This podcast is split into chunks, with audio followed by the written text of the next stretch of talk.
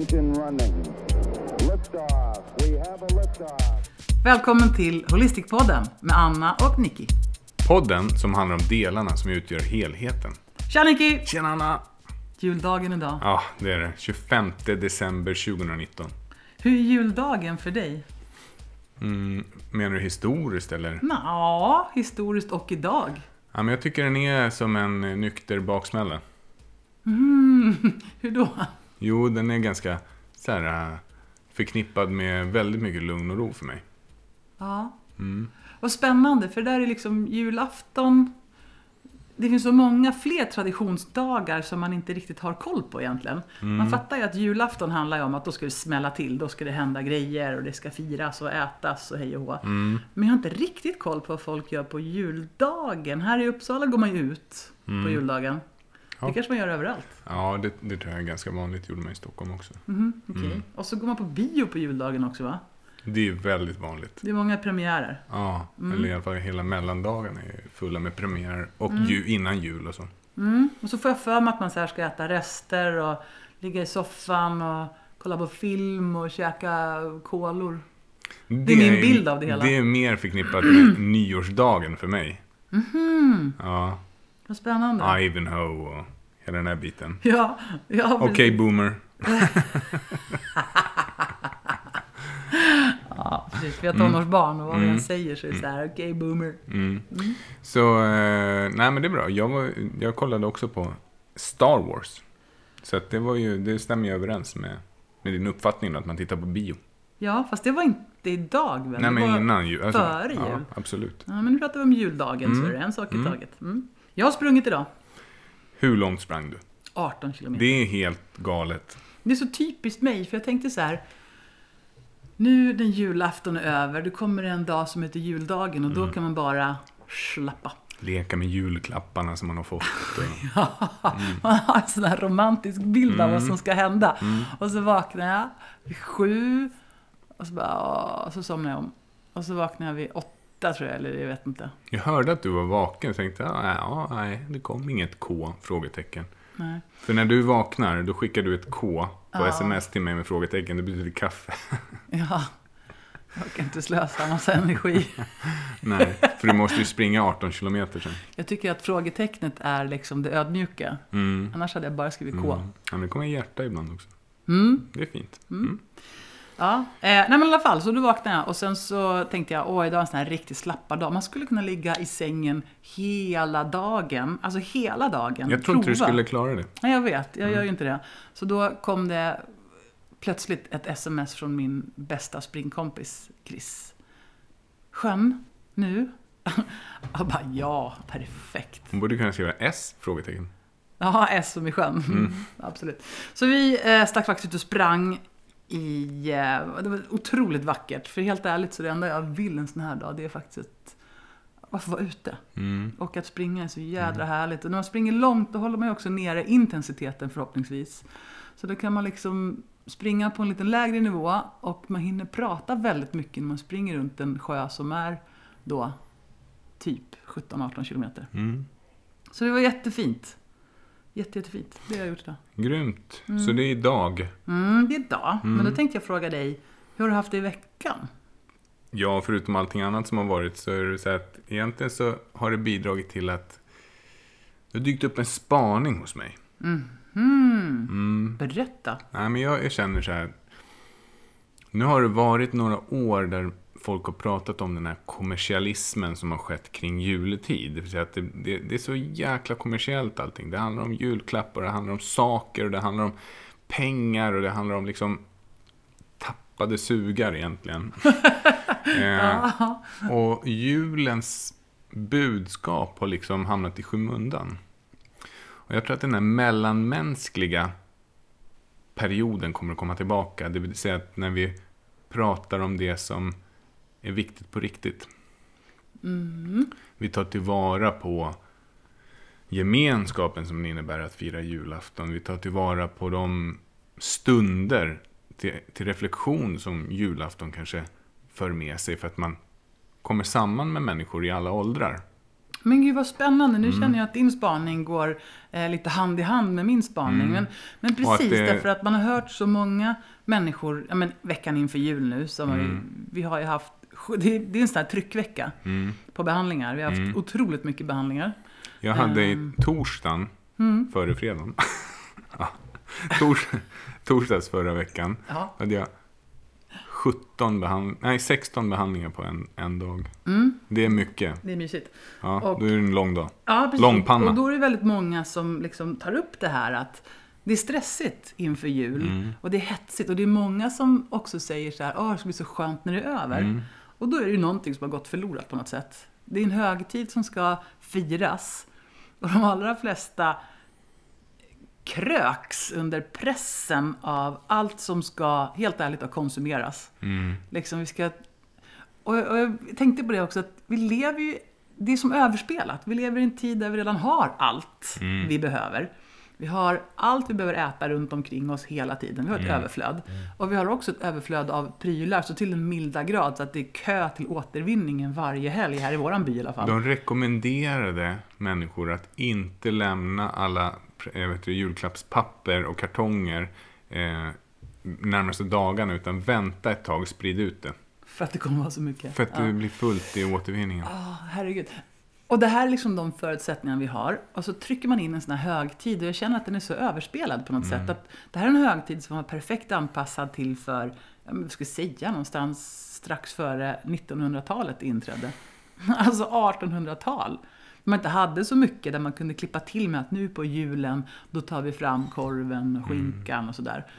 Och det där var ju inte så heller historiskt. Alltså vi, den här julmaten som vi äter nu, det var ju inte, det var inte mat som gemene man åt. Nej. Det fanns ju inte tillgång till allt det som vi har. Nej men, nej men precis, jag menar det. Så att, jag undrar vad som skulle behöva hända för att julen skulle bli en sån här dag som människor längtar till.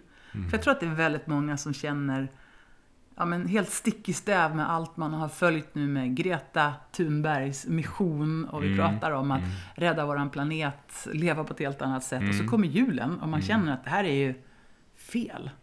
Mm. Det blir galet. Jag, jag känner att det är som en våg. Som liksom, vi är på toppen av den här vågen nu. Och snart kommer det att eh, vända. Och det blir mer och mer relationsskapande som står i fokus. Istället för sakletande. För det tror jag vi behöver. Mm. Faktiskt. Relation med mera.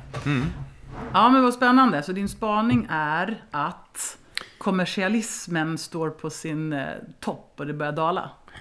Ja, faktiskt. Mm. Är, det, är det en spaning eller en förhoppning? Både och. Mm, Okej.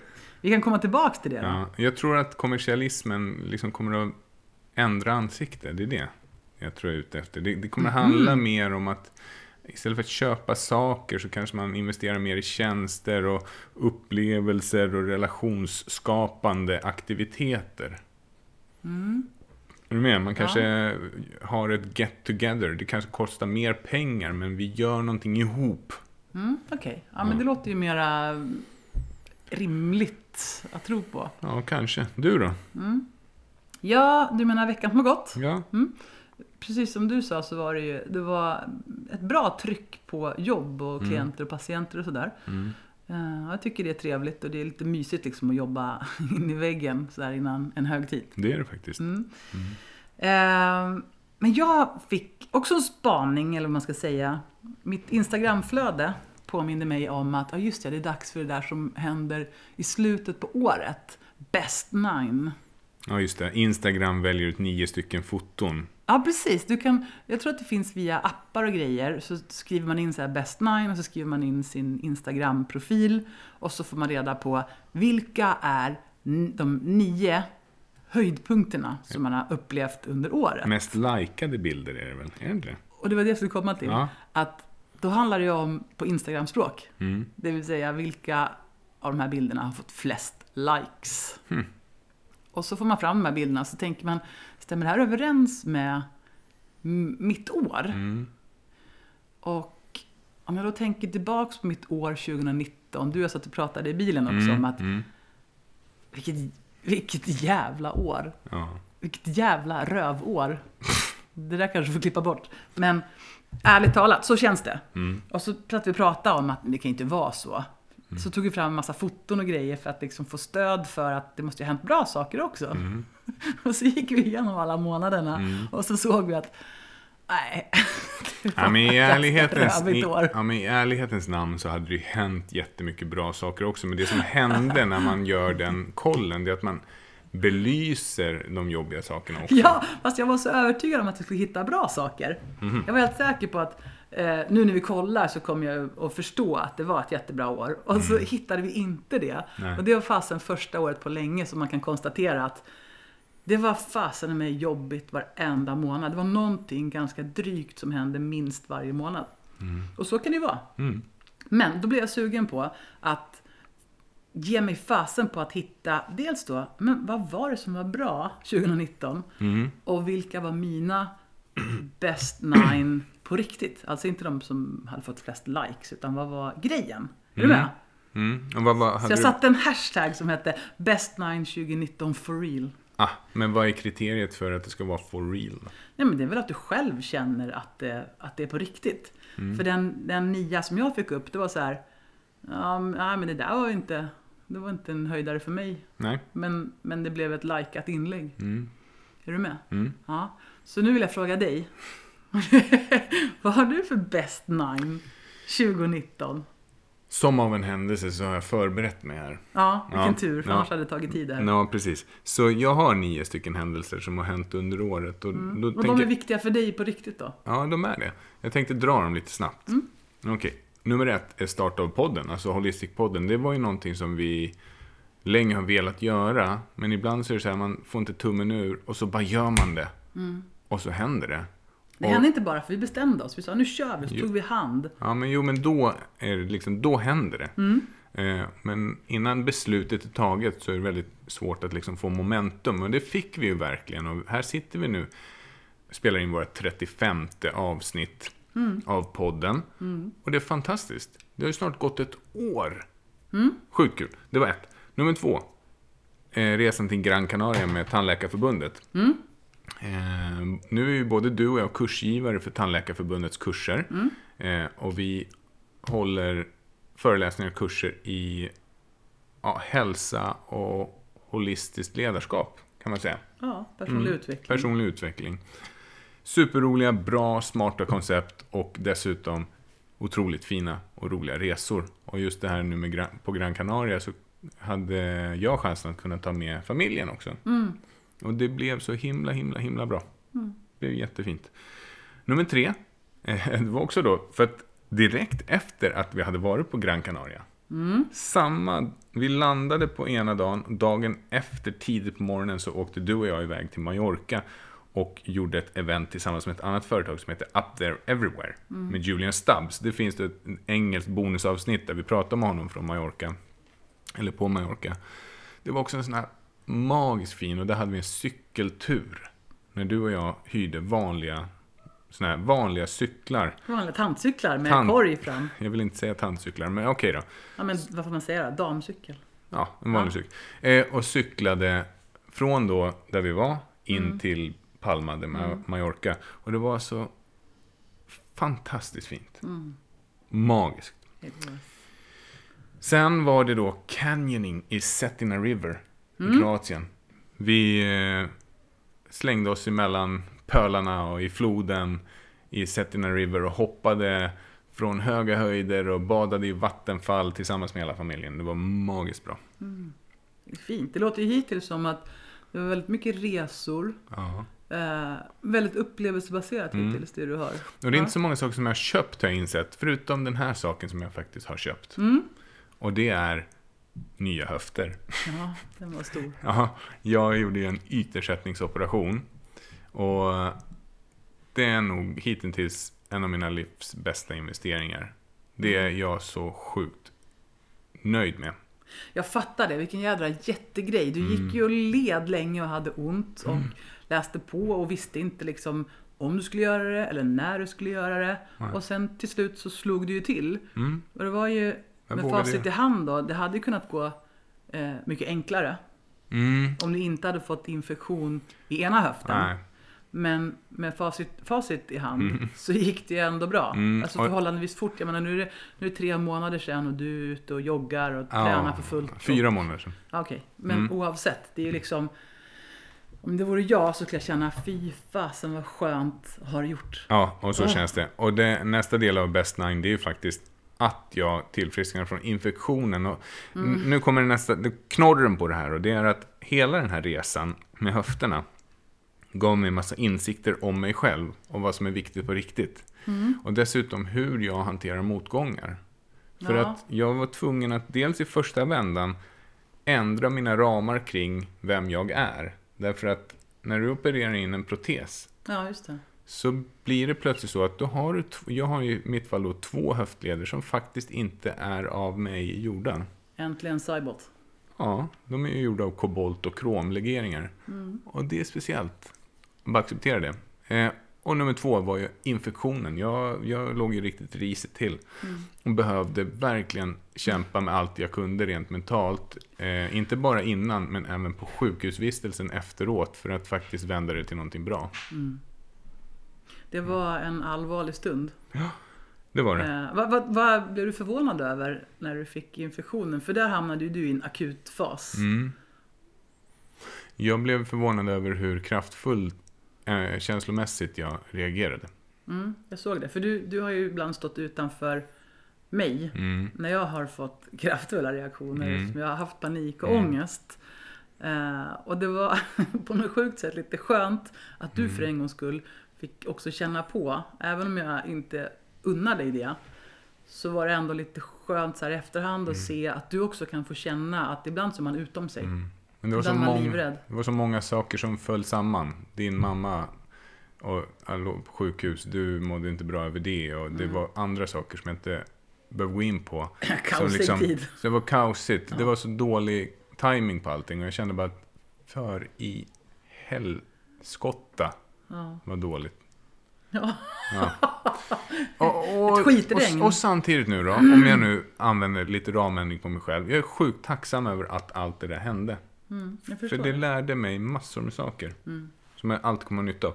Okej, efter det så var det promenaden över den frusna sjön i Klövsjö. Nej, vad fint. Vad häftigt. Just det. Vi var ju kring påsk va? Nej, det var Nej. sportlovet. Sportlovet då. Eh, I Klövsjö, Thomas och Mina Benstems eh, landställe. Och då så var det en dag när det blåste och det snöade och vi valde, du och jag valde att gå ut på isen över till en liten ö Mm. i sjön där. Och det var en sån här, det var riktigt, riktigt fint. Ja, det var magiskt Ja. faktiskt. Det var fint. Och, Och den så där, otroligt mycket vinter var det. det var det. och sen så var det då cykelturen upp på toppen av Idreberg. Det var roligt. Nu kommer sådana här liksom fragment av minnen. Ja. Mm. Så du och jag, du tog med mig ut på cykeltur och i vanlig ordning så lurade du mig på något sätt att eh, göra mer än vad jag trodde att jag skulle göra för stunden. Inte vad jag trodde att jag kan göra, men du lurar ut mig på saker. Du sa så här, kom vi cyklar runt berget en gång till. Det är bara en mil. Ja, ja, ja. Och så tänkte jag för mig själv, men hon kommer att säga, vet du vad? Nu cyklar vi upp på toppen också. Och då när vi hade kommit runt hela det där jädra berget och så säger du, vi cyklar upp på toppen. och så här, ja, där kom det, okej då. Ja, så cyklade vi och cyklade och cyklade. Och det var jättefint, det var så sjukt fint. Så kom jag upp i toppstugan där och... Och så tog sa en- jag, nu ska du få, nu ska du du? få en öl. Ja, nu ska du få en öl. Ja, precis. Jag tänkte precis säga. Och så kom det med en IPA. Värt. Ja, det var värt det. Var riktigt, riktigt, riktigt Men fint. du har ju ett bekvämlighetsfilter som man behöver liksom eh, perforera ibland. Ja, det är väldigt selektivt. För att sen kom vi också till den sista delen som var att vi var toastmasters på Gothia Akademi. Mm. Gothia Akademi där både du och jag har utbildat oss i, till professionella coacher och förändringsledning och, och så vidare. Det magiska slottet Ja, det magiska Göteborg. slottet, precis. Harry Potter-världen Mm. som man försvinner in i när man går och studerar där. Så var vi toastmasters, så det var också en sån här stund som jag tycker att det där var härligt. Ja Det jädrar vilken fest det blev. Ja. Vilket, vilket röj, vilket ös. Ja. Det var jätte, jättekul. Ja, Men vad kul att höra om dina nior. eller Det hur? var ju spännande. Ja. Mm. Och så här då, Nicky. Mm. Om du skulle blicka tillbaks på 2019. Mm. Vilken färg. Vilken färg av 2019. Sånt här tycker jag är roligt. Brun. Okej. Ja. Om du skulle berätta om liksom flera år, vad kommer, du, vad kommer du minnas då? 2019, det var... Nej, men jag vet vad jag kommer att minnas. Ja, Jag kommer minnas höftoperationen Ja. och att din mamma insjuknade i TB. mm, det är de stora grejerna. Det är de stora grejerna. Ja. Men så här lite grann med färskt minne då av 2019. Vad lärde du dig någonting av det här året? Jag, jag lärde mig att mycket handlar om inställning. Det vill säga hur du tar det, inte hur du har det. För att skulle man zooma ut lite grann så ser man att vi har det jävligt bra egentligen. Alltså Mm. det är ju, går ingen nöd på, på oss faktiskt. Eh, utan alla de här grejerna när man känner att det blir någon form av diskrep... Eh, liksom, det blir dissonans i tillvaron. Det handlar mer om att man kanske hamnar ur fokus i livet. Det vill säga att du plötsligt så börjar fokusera på saker som kanske inte är viktigt på riktigt. Mm. Man bara tror det. Och, Det är ju lätt hänt. Ja, så det är på något sätt inställning. Att hur du tar det, inte hur du har det. Men man kan läsa så många sådana här eh, fina texter tycker jag. Mm. Och, så, och så tänker man i huvudet, åh det låter fint, det är inte hur du har det utan hur du tar det. Mm. Men det är väl också å andra sidan, eh, när det där verkligen sjunker ner, faller ner från huvudet till magen och hjärtat. Ja, När man verkligen Alltså- får uppleva det och känner så här, ah, det, Alltså, det är det här det ja betyder. de där ordstäven är ju inte tagna ur luften. Alltså det finns ju någon form av bäring i dem, tycker jag. Mm. Mm. Vad tar du med dig då? Vad tar Ja. du med dig in i nästa år? Att en bästa vän är fint att ha. Åh, Och gissa vem det är då? är det jag? Ja, Det var fint sagt. så är det. Tack. Och det har blivit tydligare och tydligare att när man går igenom stormar Mm. så är det väldigt tryggt att ha någon att hålla sig i då. Ja, exakt det där. Sträcka ut handen liksom rakt åt sidan och känna att Ja. ens partner hugger tag i den och så är man... Ja, och en två och- personer är starkare än en. Mm. That's true. Så är det. Mm. Fint va? Mm, jättefint. Mm. Vart var vi någonstans? Jag höll på att berätta om... Ja, just det. Jag höll på att berätta om Best Nine. Mm. Mm. Ja, men det var ju roligt. För att... Vill du höra mina? Ja, det vill jag gärna Men göra. jag ska försöka vara snabb. Ja, gör det. Nummer ett på Mm. min Best Nine 2019. Mm. Det var ju så här att när, när katastrofen kommer, när allt är verkligen jättejobbigt. När det kommer till ett läge där man känner jag pallar faktiskt inte själv. Mm. Att då sträcka ut en hand, det kan ju låta enkelt men det kan vara lite svårt ibland också. Hur, hur gör man? Mm. Eh, min mamma är min, du och min mamma Mm. är de två närmsta personerna jag har i hela livet. Mm. Och när hela skiten smällde till, Mm. då var både du och mamma borta. Alltså, ja. mina två närmsta bästa vänner som jag så självklart hade vänt mig till fanns inte där. Mm. Och då, då känner man så här, vad, vad ska jag göra nu? Man känner sig så ensam helt plötsligt. Och även om man har sina barn nära så kan inte de finnas där på det sättet. Så det absolut största det var att när allt var som värst så bad jag om ett mirakel. Mm. Och ett mirakel kom bland annat i form av att det fanns människor där. Plötsligt så dök det upp människor runt omkring mig Mm. som sa Jag är här. Mm. Och om jag kan bära dig en timme just nu, då gör vi det. Någon sa Vi sticker ut och joggar nu tillsammans. Och jag hade inte pallat det själv. Någon kom med en lasagne och sa Här har ni middag till kvällen. Mm. Så slipper du åtminstone det. För när man är sådär mitt i stormen, då är till och med det svårt att laga mat, att få ihop sig. Mm. Så det var verkligen mirakulöst och omvälvande. Eh, och det är mitt bästa tips till andra människor också. Sträck ut en hand, det finns människor där. Eh, och kanske blir du förvånad över vilka det är som kommer att finnas där för dig. Men bara att. Och det får också mig att inse att jag vill vara en sån som finns där. Mm. Jag ska försöka bli bättre på att se människor i min tillvaro eh, och kunna svara på utsträckta händer. För det Mm. betyder så rysligt mycket for life. Verkligen. Så nummer två då på min lista blir Mm. eh, vännerna. Mm. Såklart de vänner som jag minns att vi har haft fina stunder med. Och det är bland annat med familjen Benstem som vi firar högtider ihop. Ja, det är Eh, roligt. och det blir väldigt så här ad hoc grejer. Ja, och fint. Och väldigt otvunget liksom. Exakt, det blir väldigt, väldigt fint. Så vi ses och eh, vi gör grejer. Och där Mm. har jag också då mina träningsvänner som också är sådär eh, spontana. Kan jag oplanerade. namedroppa några? Jag kan namedroppa min bästis Chris. Mm. Som liksom, jag tycker det är fantastiskt med vänskap. Mm. Där man känner sig otvungen. Mm. Och hon är störtskön och otvungen och väldigt förstående. Mm. Så det är schysst. Även Mia och även Sofia som jag har här nära. Med flera. Mm. Eh, och också tänker jag på min ja, men släkten och storfamiljen som också fanns där liksom, när det var som allra jobbigast. Mm.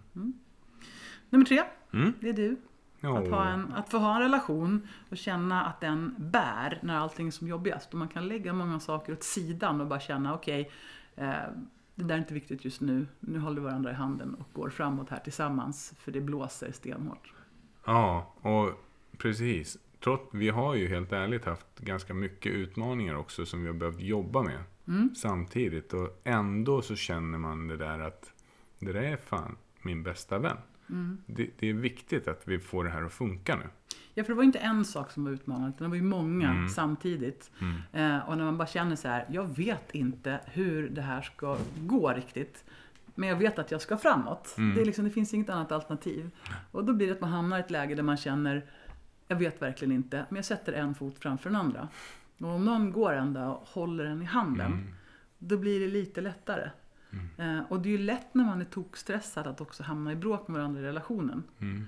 Men trots allt så tycker jag att man kan se att du finns ju där, jag finns ju där, Fint. vi finns ju där och det funkar. Så det var jättetacksamt och fint. Podden! Mm. Sjukt kul, vi kom loss, vi gjorde det. Här Mappa. Skogen. Mm. Ehm, skogen är ju en fantastisk vän. Men Du gillar den? kan, Ja, jag gillar den. Herregisses vad man kan hämta kraft och lugn och ro och inspiration och vackerhet. Sen blev vi ny lokal. Vår Mm. nya lokal känns som hemma och jag är jätteglad över att vi slog till på det. Väldigt mycket allt. formkänsla i lokalen. Ja, exakt. Det var som att hitta hem. Mm. Eh, nummer sju, det var de här två resorna som vi gjorde då. Den ena var du kursledare för och då åkte vi till Gran Canaria. Via Lopesan. Via Lopesan. Det var i vuxen ålder att få tappa hakan på det sättet som jag gjorde då. Det var häftigt. Och lyxigt. Och Ja. jättefint. Nice häng. Och sen så drog vi till Teneriffa, till Via Cortés. Och då var det jag som var kursgivare. Och då är jag både glad för att jag fick ta med er. eh, Alla fina äggfrukostar vi käkade. Och eh, att det gick så bra att vara kursledare. Det var också jäkligt kul. Mm, du är duktig. Eh, och där vill jag tacka extra då Isabelle. Mm. Är, hon är ju också en sån där enkel och mysig och bra människa Mm. att hänga med. Det är så roligt det här, för jag älskar verkligen att föreläsa. Jag tycker verkligen att det är kul att hålla föredrag och föreläsningar. Så, och det, uppenbarligen så tycker du också det. Ja, Mm. det tycker jag. Nummer åtta var att vi åkte till Mallis som du redan har berättat om. Det var magiska dagar. Mm. Och nummer nio var resan till Kroatien i somras där vi bland annat då gjorde canyoning Mm. som var nice. Och sen så träffade vi din pappa och din mamma och din brorsa. Och det var ju samma sak där. Det var ju väldigt ödesmättat i och med att din pappa också är på sjukhus just nu och saker är inte riktigt Han som... är i alla fall sjuk. Ja, han är bitvis ganska Ja, ofta på ja, sjukhus. Ehm, och saker är inte som de har varit. Det har ju alltid varit så att de är där och det är på ett visst sätt. Och nu var det så... Det var så eh, högljutt tomt efter dem. Ja, det var Att de inte fint. var där. Dånande tomt. Mm, det var det. Eh, och ja, men precis som nu på julen liksom. Det är så påtagligt tomt efter någon som alltid brukar vara där. Mm. Och då blir det på ett annat sätt. Och, och då börjar man tänka på det här med att åldras. Att nu börjar jag ju bli... man känner sig liten ibland. Till exempel när man är med sina föräldrar så känner man sig ju alltid liten. Men så fattar man att Ja men hallå, du är 40 plus och det är din tur nu. Mm. Nu är det min tur att vara den som fixar och ordnar och ställer till rätta och välkomnar in och liksom, ja men tar värdskapet. Mm. Och det där skiftet är lite knepigt tycker jag. Mm. Faktiskt. Det, det är verkligen speciellt. Mm. Ja, Så det ja. var mina liksom eh, best nine. Mm. Och, Ja, ja, det som slog mig, ja. det var det här. För då, då gjorde jag den här hashtaggen och sen så frågade jag en fråga på Instagram och folk svarade. ja. Och delade med sig. Och vad är hashtaggen då? Hashtaggen är best nine 2019 for real. Med 2019 i siffror. Ja, Mm. jobbigt annars. Sjukt. 2019. Ja. Och det som slog mig var att inte en enda människa, inte heller du, jo du har gjort en sak där då, men inte jag, har nämnt att ja, jag köpte den här grejen. Mm. Jag investerade i den här saken.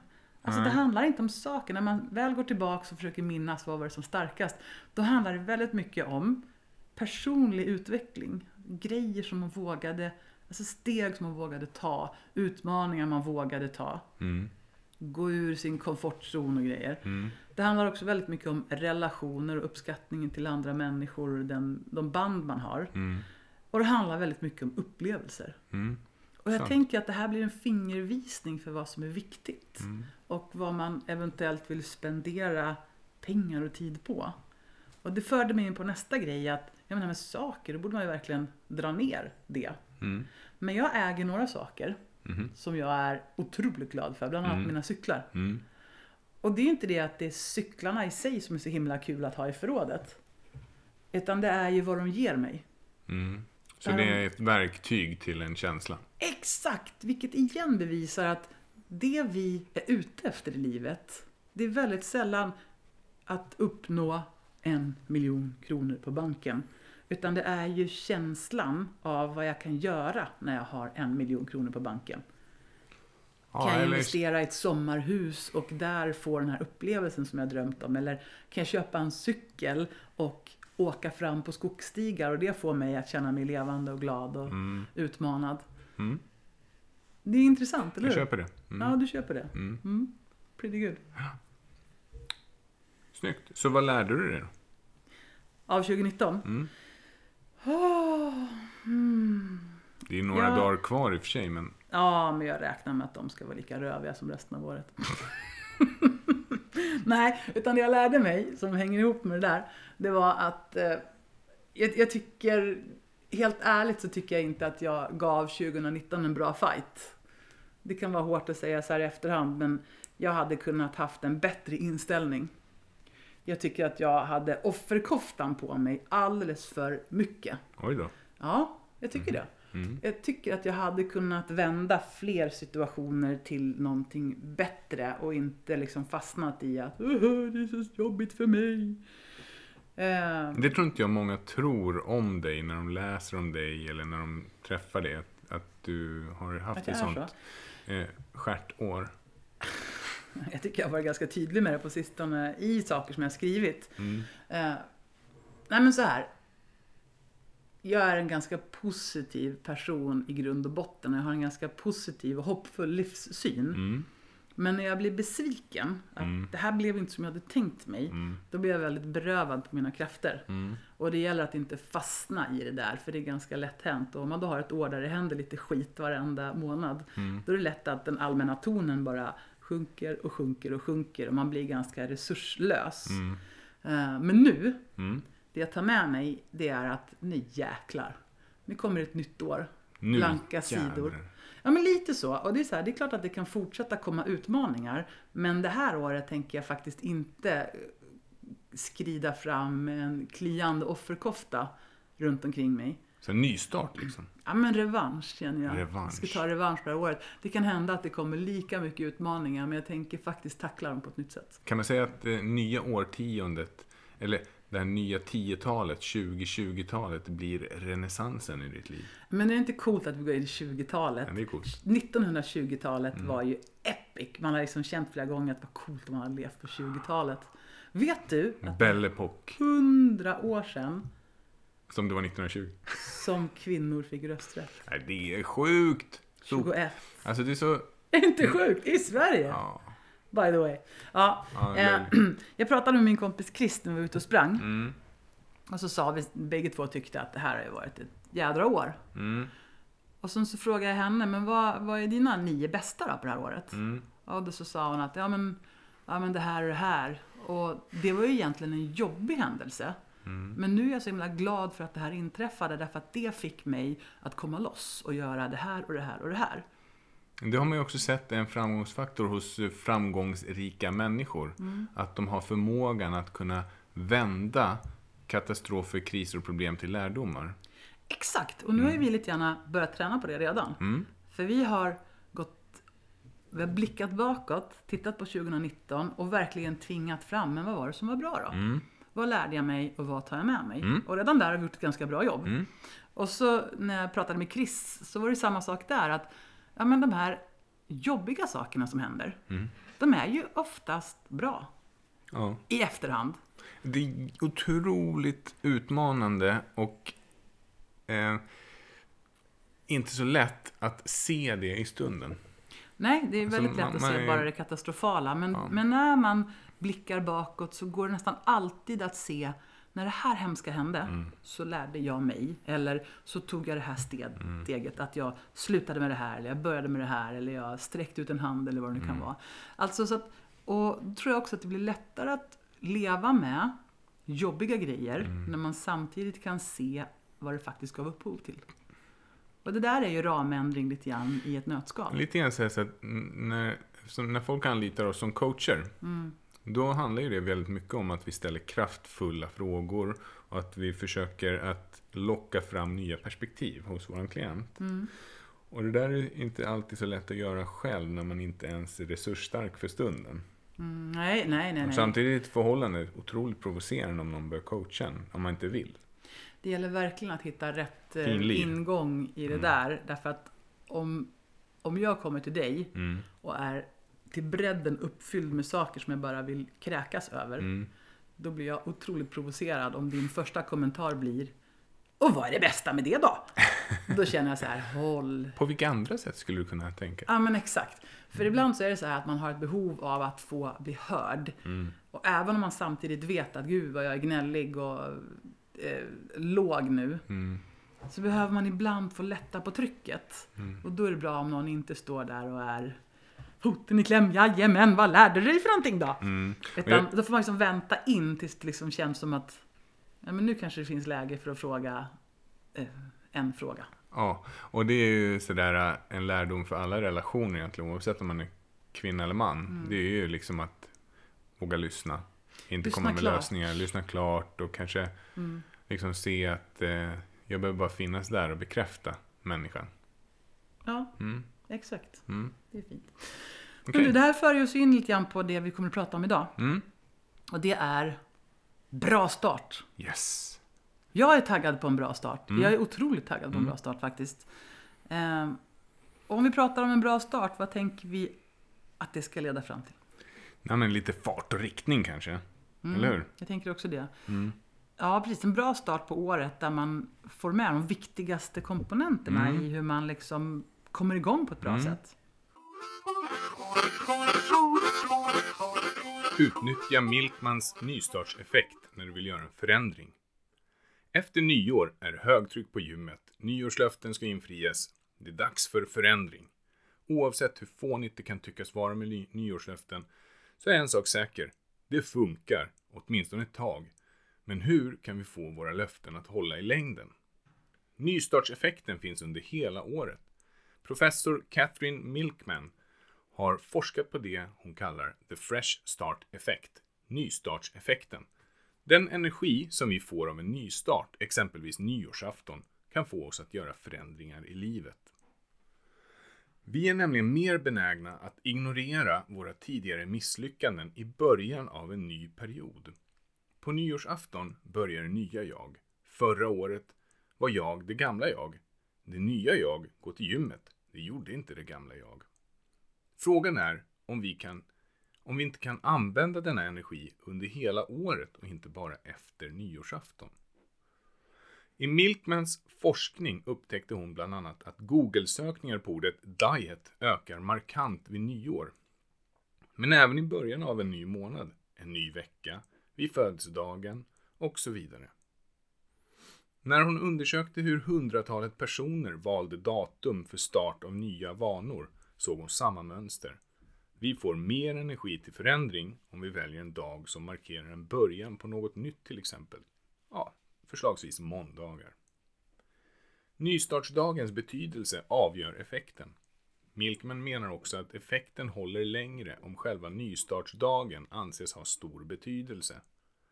Förändringar vid nyår tenderar att hålla längre än måndagsförändringar och så vidare. Allting handlar alltså om hur mycket vi värderar den tidpunkt som ska markera starten på något nytt. Att bygga ny vana kräver repetition och ihärdighet. Dessutom krävs det att vi börjar utföra den nya vanan.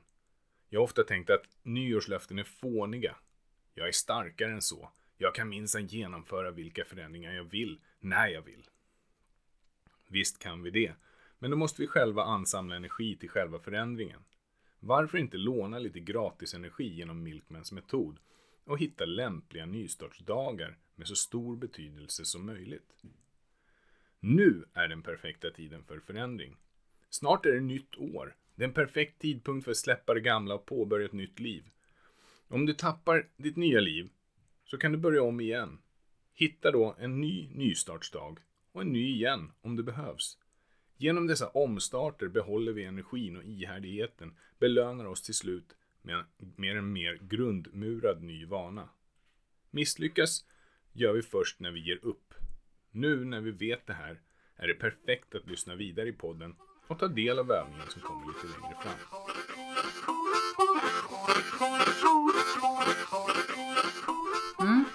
Så det man kan ta med sig från det här avsnittet, det blir ju en hel del insikter och förhoppningsvis mycket pepp och, och så några bra fakta också. Ja, de facto en plan kanske. Eller hur? Ja, och jag tänker också att vi ska bjussa på en värdefull grej.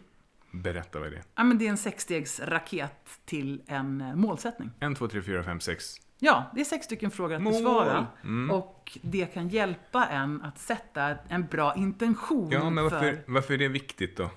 Ja, men det är väl viktigt om man tycker att det är viktigt. Mm. För mig är det viktigt.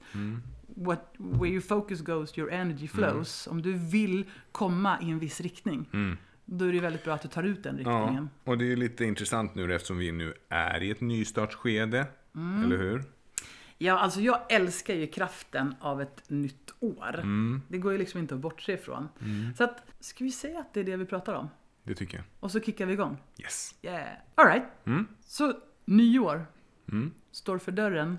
Det är så jävla lustigt. Man liksom kommer till den här delen av året Mm. och så tänker man, åh, bara, bara julen är över. Ja, just det, så har vi nyår också. Men bara nyår är över så kan man få vara sig själv igen. Jag vet, det är, det är väldigt hektiskt. Men istället för att fokusera på att åh, det är hektiskt och det är så himla mycket och sådär, så kan man ju också se att det är väldigt mycket fint som händer. Det är ju roliga grejer och nyår är ju en fin högtid. Det är en av de äldsta högtiderna som har firats dessutom. Visste du det? Nej, det Nej. visste jag faktiskt inte. Nej, det har firats eh, liksom...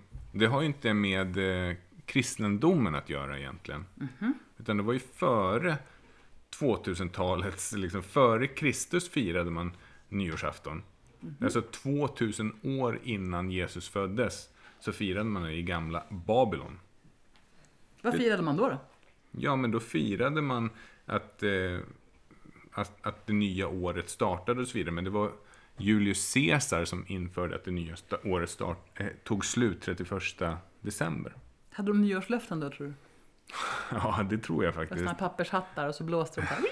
Ja, eller mässing. Ja. Ja. Och fyrverkerier och Ja, fyrverkerier hade de definitivt, framförallt i Kina. Men det, det tog ju ett tag innan krutet kom till Europa om man läser sin historia. Sådär. Och sen så gick eh, allt åt skogen med det. Med vapentillverkning och så vidare. Men eh, absolut, nyårslöften tror jag existerat så länge som nystart har funnits som ett tema. Mm. Det verkar som att vi människor trivs med att någonting nytt startar. Ja, vad handlar det om egentligen? Mm, jag vet inte. Vad, men vad är nyår för dig? Vad känner du spontant? Raketer vet jag att du gillar, men förutom det? Ja, nej men det är exakt den känslan. Det känns som att någonting tar slut och någonting startar på riktigt. Alltså, det, är ju, det händer ju ingenting egentligen. Alltså, det är bara en siffra, eller hur? Och, och, att- Tidsspåret maler på framåt liksom, som alltid. Hade vi inte tideräkning och sådär så, så hade ju ingenting hänt. Jag tänker så här, att historiskt sett så har nystarter varit någonting som har åstadkommit med jämna mellanrum i mänsklighetens historia, eller hur? Det, är ju liksom, det finns ju massor med eh, tecken på det. Tre saker tänkte jag bara nämna som är lite intressanta. Och jag tror att det här liksom har li- ligger till grunden för varför vi upplever alla de här grejerna. Men den tveklöst största är ju Big Bang. Det hände ju för 14 miljarder år sedan. Och innan Big Bang, Bang hade hänt så fanns ju inte tid eller rum. Så man kunde ju inte ens sätta mål då. Eller hur? Om någonting nu existerade. Sen skapades tiden, sen skapades rummet och materien och allting det här. Det här Och- låter nästan lite bibliskt. Ja, och jag kommer till det. För 65 miljoner år sedan, då regnade bomber och kometer ner på jorden och utplånade nästan allt liv för att något nytt skulle kunna uppstå. Det vill säga dinosaurierna dog ut och däggdjuren tog den naturliga ledarrollen. Det var ju också en nystart. Och så för och det här temat liksom, att någonting måste dö för att något annat ska få ta plats. Mm, jag gillar det. Sen har vi den bibliska nystarten, och vad är det då? Ja. Det kan jag svara på på en gång. Det är Noas ark. Eller hur? Enligt Bibeln dränkte syndafloden hela jorden. Och som tur var hade Noa fått specialuppdraget att i tid bygga en båt. Med vilket han räddade sin familj och ett par av varje art av alla världens djur. Och på så sätt kunde livet starta om på nytt när vattnet sjönk tillbaka. Och det får man ju tro på, eller så är det en metafor för någonting annat. Och där tror jag att det här med nystart har alltid varit viktigt för människan. För att liksom se till att vi gör någonting nytt gång på gång på gång och kommer till skott. Mm, det där är ganska fint. Jag tänker också att det ger oss en möjlighet till en clean slate. Mm. Om man känner att man har sabbat till det Mm. eller gjort dåligt så får vi en möjlighet att liksom Nej men okej, nu, nu Mm. startar vi om, nu nollställer vi. Och så har vi anpassat det ef- efter årets skiftningar, årstider och månader och allting som sker med den här biorytmen. Liksom. Det var så otroligt spännande för att jag pratade med en, eh, en klient häromdagen. Mm. eh, En väldigt högpresterande människa som eh, hade kört fast lite grann på arbetsplatsen. Mm. Och så frågar jag, men i din fritidshobby där du också är väldigt duktig och framgångsrik. Mm. Vad gör du då om det inte blir som du vill? Mm. Ja, men då testar jag nytt. Jaha, men om inte det funkar? Nej, men då testar jag nytt igen. Mm. Ja, och hur länge gör det då? Ja, tills det funkar. Mm. Aha! Och, och då sa klienten, aha! Mm. Eh, Att ofta har vi ju väldigt bra strategier, men inte alltid som vi kan se att vi kan ta med oss strategier från ett helt annat område in i ett område i livet där vi behöver lite push och hjälp för stunden. Men i det här fallet så var det så självklart liksom att hon hade en klockren strategi som hon använde i en del av livet, Just det. men hade inte tänkt på att ta med sig den till arbetsplatsen. Så det blev som en metafor för henne då. Och lite gärna där också då, en omstart. Att liksom där kan man få starta om också flera, flera, flera, flera gånger tills det funkar. Sant. Mm. Men du, vad betyder nyår för dig personligen? Ja, för mig, Personligen. för mig personligen så betyder det som jag började med att säga. Det vill säga att någonting tar slut och någonting nytt får en början. Och det är egentligen det här med en ny start som det betyder för mig. Det är ny, nyår är liksom, det är lite flärd, det är lite fint, det är lite Vad vill du tjusigt. göra på nyår? Smälla raketer. That's it. Nej, äta god mat. Ja, vad är det då? Ja, men det kan vara skaldjur, gillar jag. Men det kan lika gärna vara så klassiker, alltså oxfilé, potatisgratäng, blablabla. Så här. Eh, jag är uppvuxen med väldigt matintresserade föräldrar och, som har drivit flera restauranger. Så att det blev ju alltid supertjusig mat på nyårsafton. Era, era liv kretsar ju väldigt mycket kring att, vad ni ska laga för mat Mm. och eh, hur den ska bli. Mm. Det är jag faktiskt tacksam för. Mm. Du då, vad, vad är nyårsafton för dig? Jag har inte så mycket med, alltså det var det för mig. Ångest. Ja, Nej, jag- men lite gärna så är det så här, pressen blir Nej, liksom... men vi tar det därifrån. Ja. Ångest sa du. Ja. Vad menar du? Jag menar att pressen på just nyår är så Mm. jädra hård. Det är liksom, det här är dagen och kvällen när det ska smälla till. Det ska bli så fantastiskt och det ska vara festligt och stimmigt och stojigt och glittrigt Mm. och härligt och woohoo!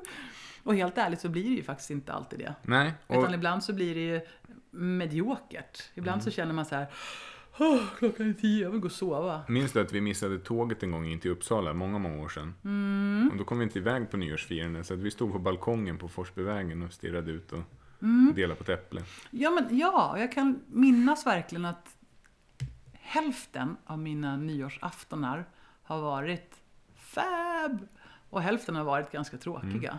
Men det här med ångest som du nämner då, Mm. stämmer inte det överens med alla högtider för dig? Nej, Ja, men allting ska Nej, vara så. Om det det inte inte. blir bra, vad händer med dig då? blir jag besviken? Mm. Ja, men det stämmer inte alls, därför att vissa högtider som vi har Mm. är så enkla. Typ påsken, det är öppet mål. Det kan bara bli bra. Det kan Mm. inte bli dåligt. Nej. Vi har jättemysiga grejer som vi brukar göra och de blir alltid bra. Mm. Så det är inte alls så himla ångestfyllt. Och vad det gäller midsommarafton, det brukar inte heller vara så himla svårt. Så att nej, jag skulle vilja säga att nyårsafton är verkligen, den pikar. Det Den är är ång- värst. ångestpiken. Hur ska, du- och då, då ska det bli intressant att höra vad du har att säga nu. för att det inte ska pika i någon ångestfeeling nu, om några dagar, vad skulle behöva hända då? Men det har jag ju förberett. Det är därför vi Ah. åker bort. Aha, Det okej. är därför vi åker bort. Därför att då har vi löst den här situationen. Okej. Vi kommer åka bort, vi kommer vara ute och åka skidor. Mm. Och det kommer att bli en 7000 massa smällare oavsett om jag köper någon eller inte. Och eh, ja, det kommer bli fint. Det är superenkelt och då kan vi sitta där i långkalsonger i fjällstugan och känna att Då så, så bulletproof, det åka bort någonstans. ja, Ja. så är det. Mm. Så jag har vi löst det i år. Men det jag också tycker är så coolt med nyår, det är den här känslan av att vända blad. Och det är ju så löjligt för som du sa, det finns inte på riktigt. Det gör inte det. Ändå finns det så himla mycket. Så det jag längtar efter nu, det har jag också påbörjat lite grann, det är det här bokslutet. Vad Över menar du då? ett personligt bokslut över året som var. Och för de som inte är egenföretagare, vad är ett bokslut för något? Att man går igenom året och tittar lite grann på vad kostade det och vad smakade det. Så en liten balansräkning.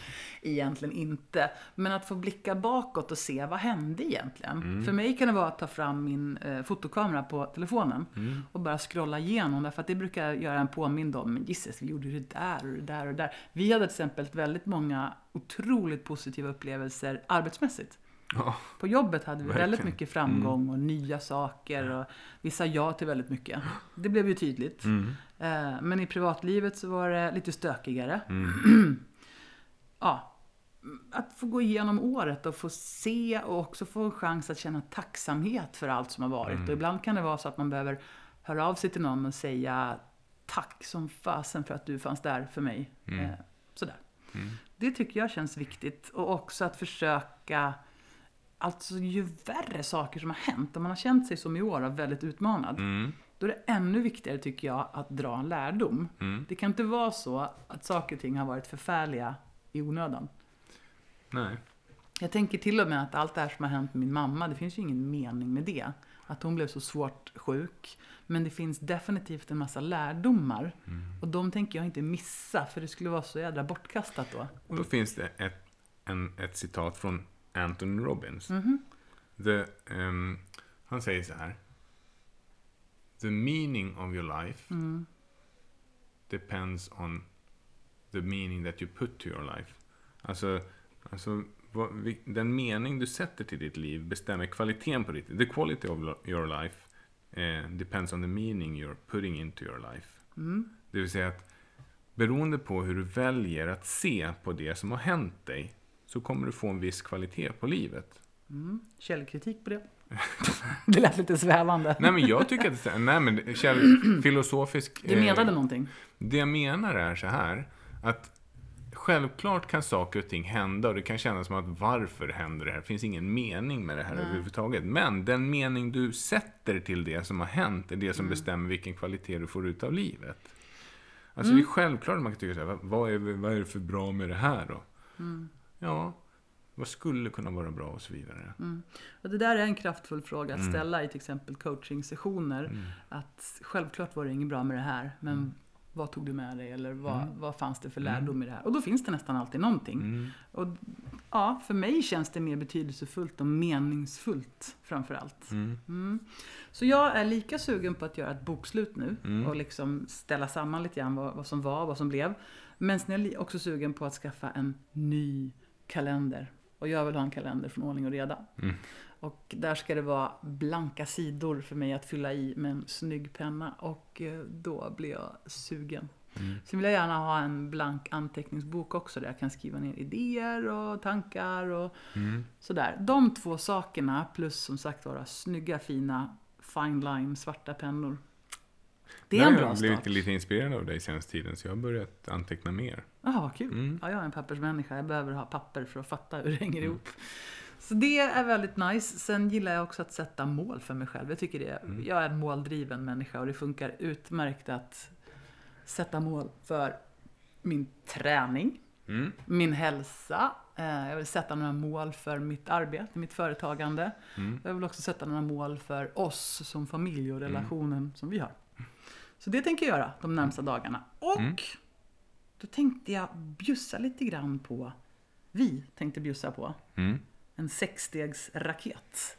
Vad kul. Är det, har det här någonting med nyårslöften att göra då? Det kan man absolut säga att det har att göra. Men det handlar mer om att liksom lägga grunden för att kunna sätta mål eller ta ett löfte eh, genom att visionera och manifestera saker och ting i livet. Är du med? Jag är med. Du är med? Ja. Då är jag också med. Ja, vad roligt. Eh, vad kul. Och för dig som lyssnar nu då så kan det vara jättebra att ta fram en penna Yes. och papper. Gärna ett eh, snyggt papper och en snygg penna, men det kan funka med ett gammalt kvitto också. Ehm, och sen så ska vi ta, då kan man egentligen om man vill göra det som vi gjorde alldeles nyss. Gör ett litet bokslut över 2019, börja med det. Om du vill så gör en best nine, for real. Om du vill så hashtagga den så gå in och titta på den, jag lovar. Och likar. Mm. Eh, och också ställ dig själv frågan, vad lärde jag mig under 2019? Och vad tar jag med mig in i 2020? Mm.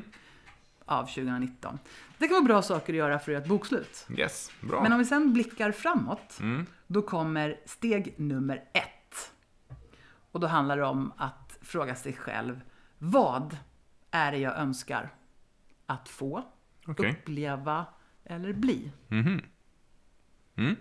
Mm. Ska jag svara på det? Nej. Nej, vill du svara på det? Vill Nej, det? jag kan inte. Det här måste jag tänka på lite grann. Jag tänker också pausa och sen så ska jag skriva. Okej, bra.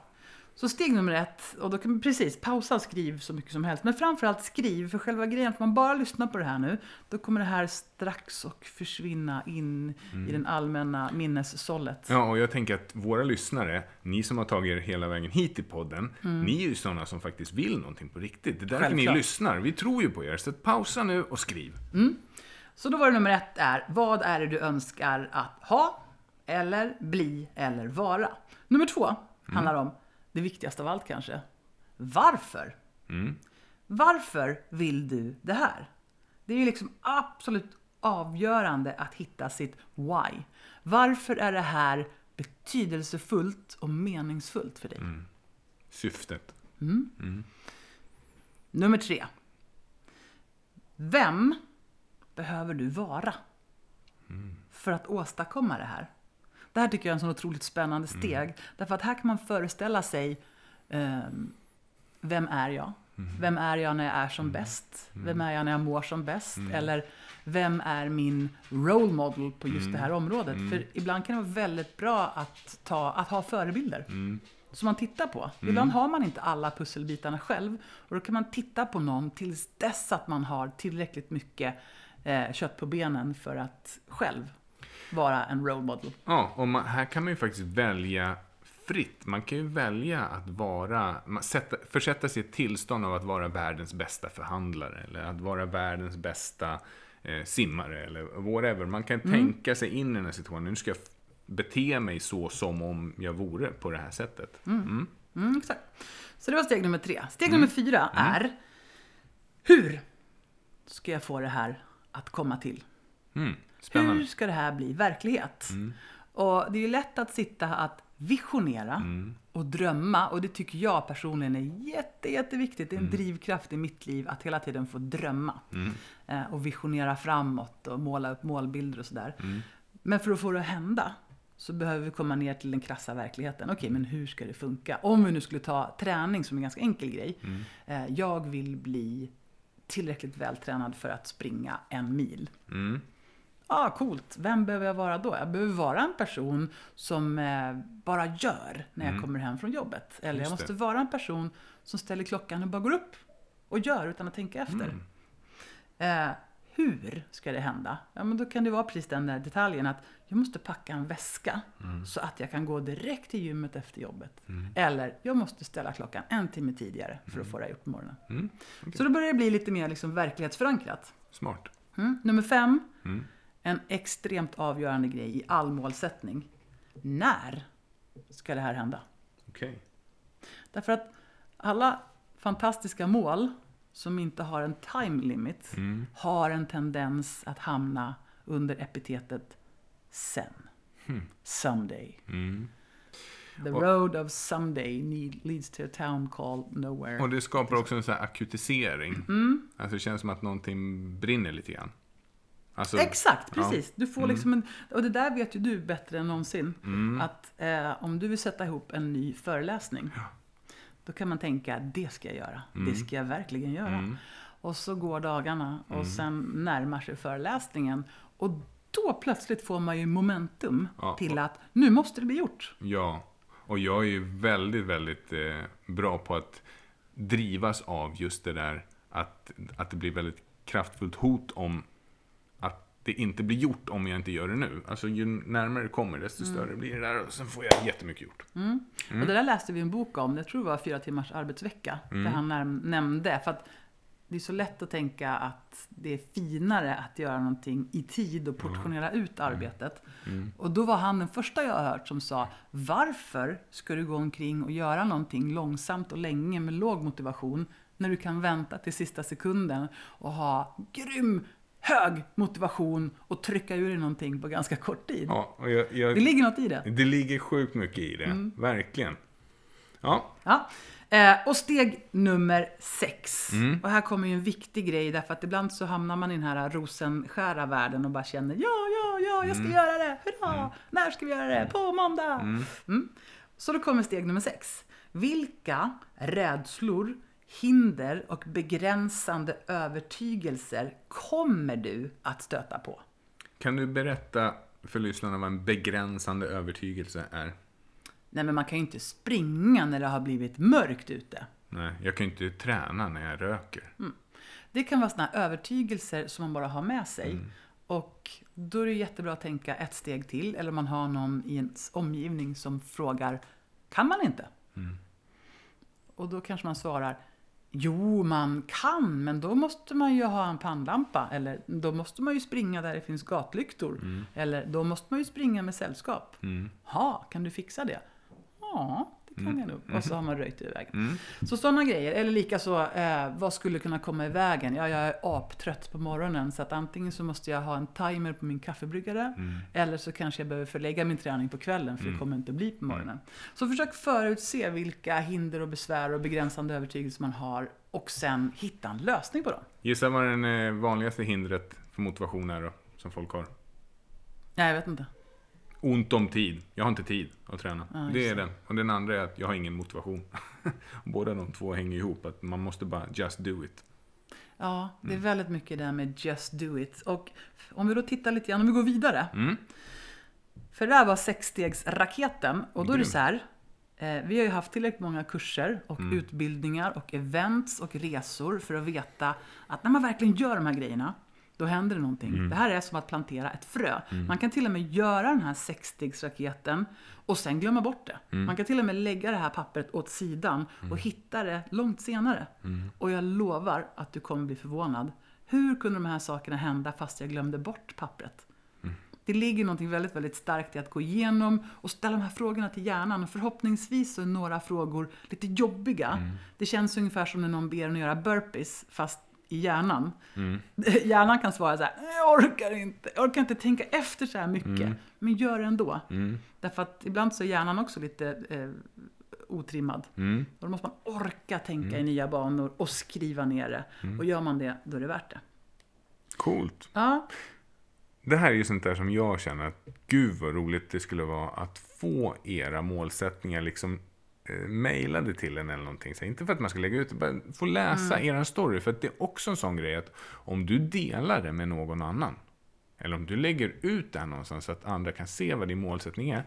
Då ökar ytterligare ditt momentum. exakt. Skaffa lite press. Ja, är en positiv press. Nej? Ja, men förhoppningsvis. Den kan ju vara lite negativ också ibland. Men alltså, behöver man press så kan man skaffa sig det ganska enkelt. Mm. Så, vad har vi för möjlighet då, då att ta oss in i nästa år och skapa förändring? Ja, men vi har väl alla möjligheter som finns. Ja, det har vi faktiskt. Ja. Och steg nummer ett blir ju liksom att på något sätt pinpointa då, men vad är jag vill? Och det har vi gjort alldeles nyss. Eh, behöver få någon sorts riktning på det hela. Mm. Mm. Alltså vart ska jag någonstans? Och det har vi också gjort i den här Mm. raketen. Men sen måste man göra en sak till. Mm. eller Berätta vad några det saker till. Eller du behöver ju committa till att göra det här. Ja, Hur gör man det då? Man bestämmer sig. Är Man det så bestämmer enkelt? sig i ja. Hopp. Jag tycker det. Mm. Men det stämmer. Det var ju precis så Holistic-podden startade. Mm. Vi bestämde oss. Vi bestämde oss och ibland så kan det vara där också att man bestämmer tillsammans med någon annan. Mm. I det här fallet så var det ju med dig. Eh, när man får en, en föreläsning som man absolut måste få fram, då är det att man har bestämt någon annan ju. Ja. Och det skapar motivation. 7 november klockan 19 ska du hålla ett föredrag. Och då vet man ju att, ja men okej, då är det... Och Då då det röjer s- man ju det ena av hindret ur vägen, det som är vanligt. Det ena var ont om tid, det andra är att man inte känner sig motiverad. Och då Nej. måste man skapa motivation. Tids nog, precis. Har du några bra tips på att skapa motivation? Ja, men det är ju att använda sig av antingen motivation, det vill säga från motivation, från motiverande faktorer, saker som känns jobbiga om det inte blir gjort. Det vill säga, Pain. där är, ja, tid är en sån faktor. Om jag inte har fått gjort det här innan det här så kommer det här ske. Och det är ju inte så roligt om man ska göra ett föredrag till exempel för ett företag som har investerat i pengar för den här grejen och så blir det inte bra gjort. Det känns ju väldigt motiverande för mig. Då måste Okej. jag få det gjort. Så att tanken på att du skulle stå där och prata mumbo jumbo Mm, och, och verka dum. Ja, Den motivationen är tillräckligt stark för att du ska få ett bra jobb gjort. I kombination med urgency. Alltså Mm. att det är lite bråttom. Just Mm. det. Och motivation, där kan man också ha en eh, lysande stjärna någonstans Ja, där. det, är- det är den knepigaste grejen. Därför att den, den kommer skapa det starkaste momentumet in i framtiden. När du väl har fått igång det. Det vill säga, vilken känsla vill du uppnå när du har nått det här målet? Vad är det du, vill, vad är du ser framför dig ska ha hänt när du har nått dit du, har, eh, dit du vill nå? När du är i målet, när du har uppnått det. Vad känner du då? Vad ser du? Vad hör du? Det är ju det som det hela kommer gå ut på. För när du väl står där i målet och njuter, det kan du göra redan från början. Ibland har man ju åstadkommit saker i livet utan att tänka på att man har satt ett mål, Mm. eh, committat, fullföljt och gått i mål. Eh, det har bara hänt. Mm. Men om du har någon sån tillfälle i livet där du faktiskt kan komma på att just ja, men det här lyckades jag ju faktiskt med. Mm. Då kan man gå tillbaka och fråga sig själv vad använde jag för strategi? Varför blev det här så framgångsrikt? Mm. Och oftast så kommer det fram en historia av att ja, men jag var bara tvungen att göra det. Eh, eller som Tony Robbins säger, make it a must. Mm, Se till att du samlar tillräckligt mycket tryck bakom så att du bara känner att jag måste till Mm. varje pris genomföra det här. Exakt, och det är ju det där motivationen. Liksom. Mm, motivation. I kombination med motivation. Alltså Mm. både negativ förstärkning, eller vad man ska säga, eh, Ja, neg- men press. negativa konsekvenser som händer om du inte gör det. Mm. Och den potentiella belöningen som händer när du jobbar på framåt. Alltså Mm. klapp på axeln eller åh vad duktig du var Mm. eller betalning. Gärna en känsla. Ja, ja. Gärna en känsla. Och man vet ju så här också att forskning visar att de, andelen nyårslöften som hålls efter ett halvår är ungefär 46 procent. Till skillnad från att man tidigare säger ah, nyårslöften, vad då är det ett nyårslöfte? Eller ja, faktiskt. Eller hur? De som sätter nyårslöften, 46 procent av dem uppnår de här fortfarande efter ett halvår eller håller det efter ett halvår.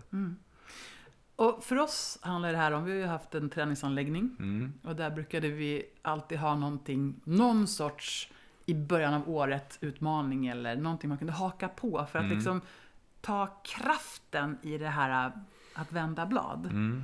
Det är dumt att låta den gå till spillo när det är en av de absolut starkaste krafterna man kan utnyttja Mm. på hela året. Mm. Och de som hakade på det fick ju en bra start. Ja. En strålande start. Eh, och det, det hjälper en att hålla fokus på att nu går jag in i det här året och jag committar till det här och det här och det här. Mm. Det är bra. Så är. Så 46% lyckas. Det är ju, alltså tänk på det. För, alltså, ungefär hälften lyckas faktiskt hålla det fortfarande efter ett halvår. Det är ju faktiskt Det är fantastiskt. ju mega bra. Men vet du vad som är begränsande då? Nej, berätta. Jo, det är bara 13% av alla män som sätter mål och det är nyårslöften. Wow, det, det är försvinnande lite. 20% är det på kvinnorna Han är lite bättre. som tar nyårslöften. Mm.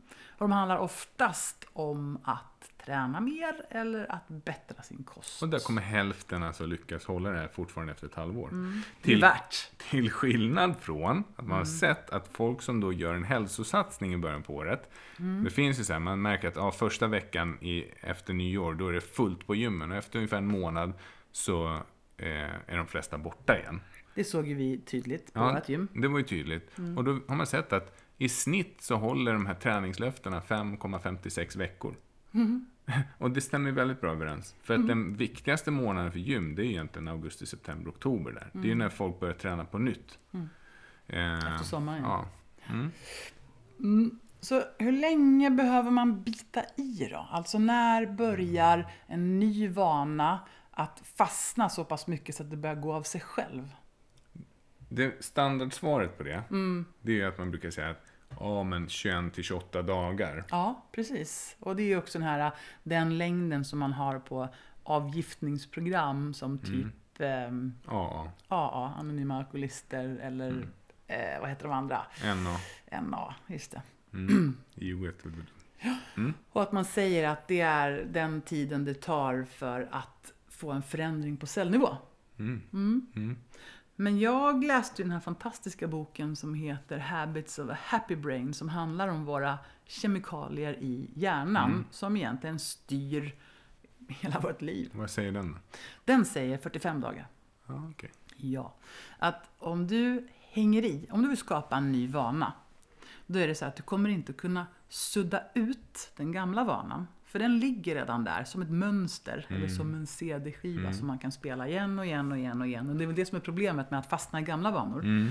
Men, så man kan inte sudda bort någonting, men man kan skriva över ett redan existerande mönster med ett nytt.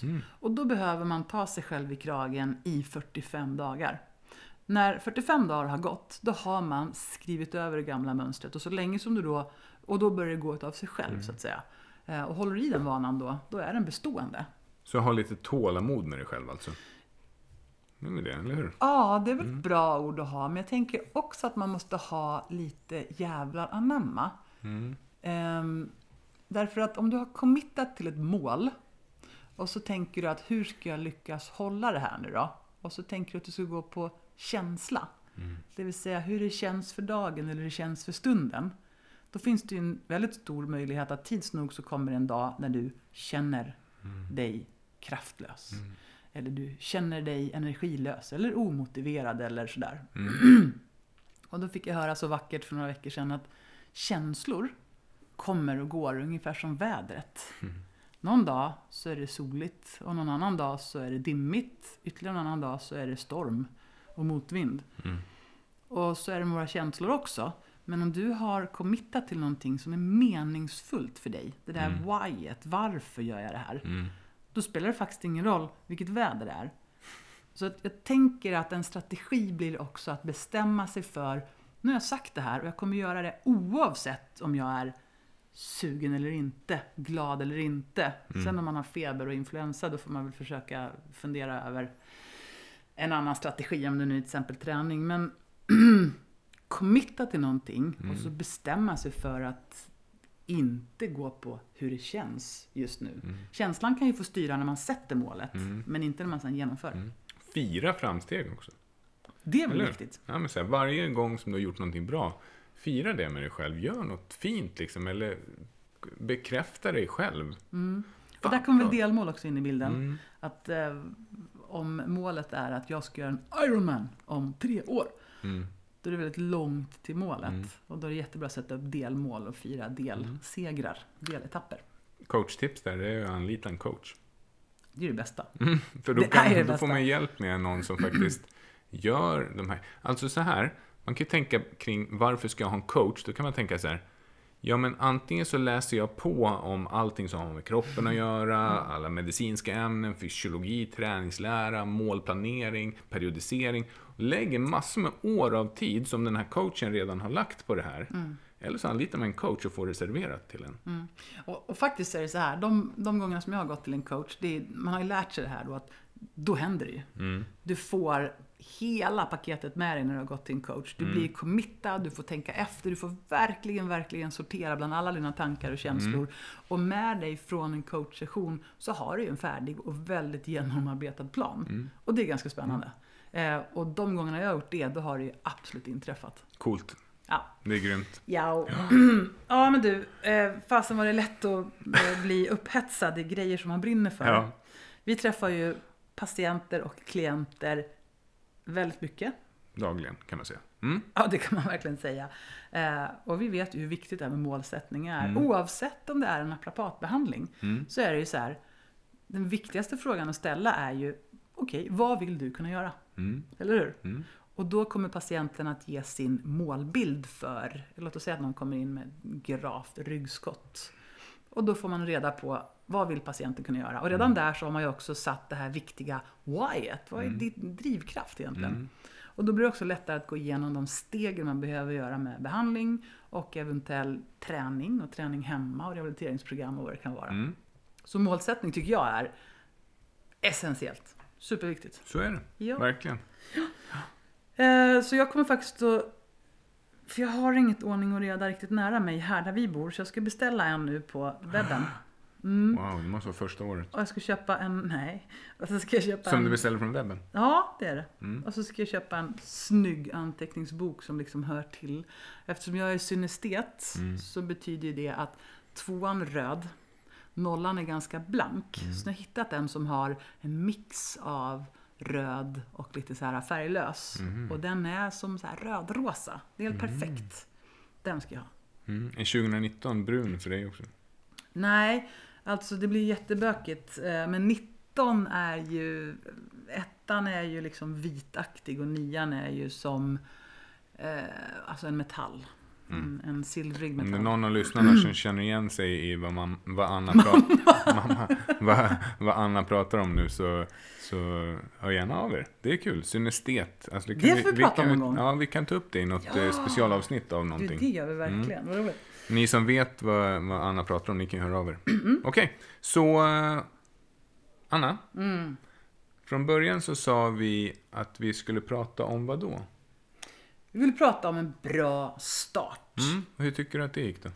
Fantastiskt. Eller hur? Visst har du gjort det? Ja, Det var ett grymt bra. jag tycker det. Vi har eh, delat med oss av en sexstegsraket och vi har också bjussat på en möjlighet att göra ett eget bokslut. Mm. Och, Det här är vad, någonting som man kan göra nu mellan dagarna tycker jag. När man har lite tid. mm. och vad var det övergripande målet med det då? Ja, men vi vill ju ha mera liv i livet, Nicky. Mm. Eller hur? Ja, alla delar behöver få sin beskärda del av uppmärksamhet. Jag tycker att livet är ett ständigt växande, helt ärligt. Mm. Jag tror att det är många som känner att de vill fylla sitt liv med någonting meningsfullt. Vad det är, det tror jag kan vara ganska personligt. Mm. Och vilka delmål på vägen ser du då för att det här liksom, för att det ska bli mer liv i livet? Om, om du ska, ur lyssnarens perspektiv liksom. Mm. Eh, jag tänker att ett bra delmål, det är ju att nu, och kan man absolut inte nu på en gång, så gör det så snart som det bara går. Sätt upp en tid för att göra bokslutet Ja. och sexstegsraketen. Om du bara snabbt, snabbt, snabbt repeterar överskrifterna i sexstegsraketen, vad var det då? Mm. Det första då, steg ett, det är vad är det för någonting som du vill, vill uppnå eller bli? Nummer två är varför vill du det här? Lägg ordentligt med kraft på just varför-frågan. Wyatt. Tre, vem behöver du vara för att få det här gjort? Fundera lite grann på det också. Fyra, hur ska du få det här att hända? Fem, när ska du göra det här eller ska det vara gjort? Och nummer sex, vilka hinder kommer du stöta på på vägen och hur löser du dem? Mm. Där har du en bra målsättning. Ja. Och eh, där kan man säkert hitta i bloggen sen. Det här kommer man absolut att kunna hitta i bloggen. Enkelt och lätt att göra där också. Ja. Bra, okej. Så eh, vad liksom... Vad, vad kan man tänka, med- vad kan man göra liksom eh, med det här då, tänker du? Va? Vad finns det att göra för att säkerställa att man faktiskt eh, får det här att hända? Jaha, okej. Ja, men det är ju får det gjort. Alltså, Att få det gjort. Om man tänker så här, ja, det där ska jag göra någon dag, då, är det, liksom, då blir det inte gjort. Mm, Och, då är och, det lätt att man glider in där, så blir det första januari, andra, tredje och sen så vips så är det midsommar. ja, just det. Och eh, för att säkerställa det här resultatet, att det verkligen sker, Mm. vad skulle man kunna göra då? Har du några tips där? Där tänker jag att man behöver committa, komma ihåg det här med 45 dagar och just skapa den här planen för vad kommer att hända när hindren stöter, upp, stöter till. Därför att det är oftast det som stjälper oss. Mm. Vardagliga enkla grejer, bara en sån sak som att ha en familj kan ju sätta käppar i hjulen. Så att man liksom tänker till lite grann innan och ja, bestämmer sig. Mm. Och då tänker jag så här, när, när vi nu har haft det här avsnittet som handlar om alla de här fantastiska grejerna om den här nystarten. Vad har du för känsla av, vad hoppas du att, eh, att lyssnarna har för känsla med sig?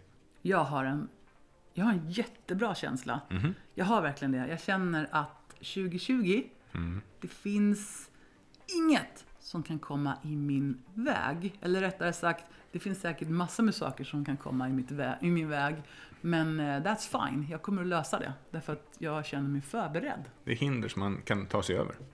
Men lite så, stärkt av ett år där vi har klättrat över hinder så otroligt mycket och så många gånger så känner jag så här. Ja, jag vill inte säga för mycket, men jag känner mig väldigt stark och hoppfull och fokuserad. Jag tänker göra ett bra år. Är du motiverad? Motiverad, definitivt. Jag ska, Grymt. jag ska slipa lite grann på det, för jag ska skriva alla de här punkterna nu när vi har lagt av bloggen här, Okej. podden. Så ska jag skriva ner det här så att det blir tydligare. Och jag måste ju beställa den här boken och få min kalender, men när det faller på plats så kommer det bli Måste kanonbra. du beställa det innan du kan skriva ner det?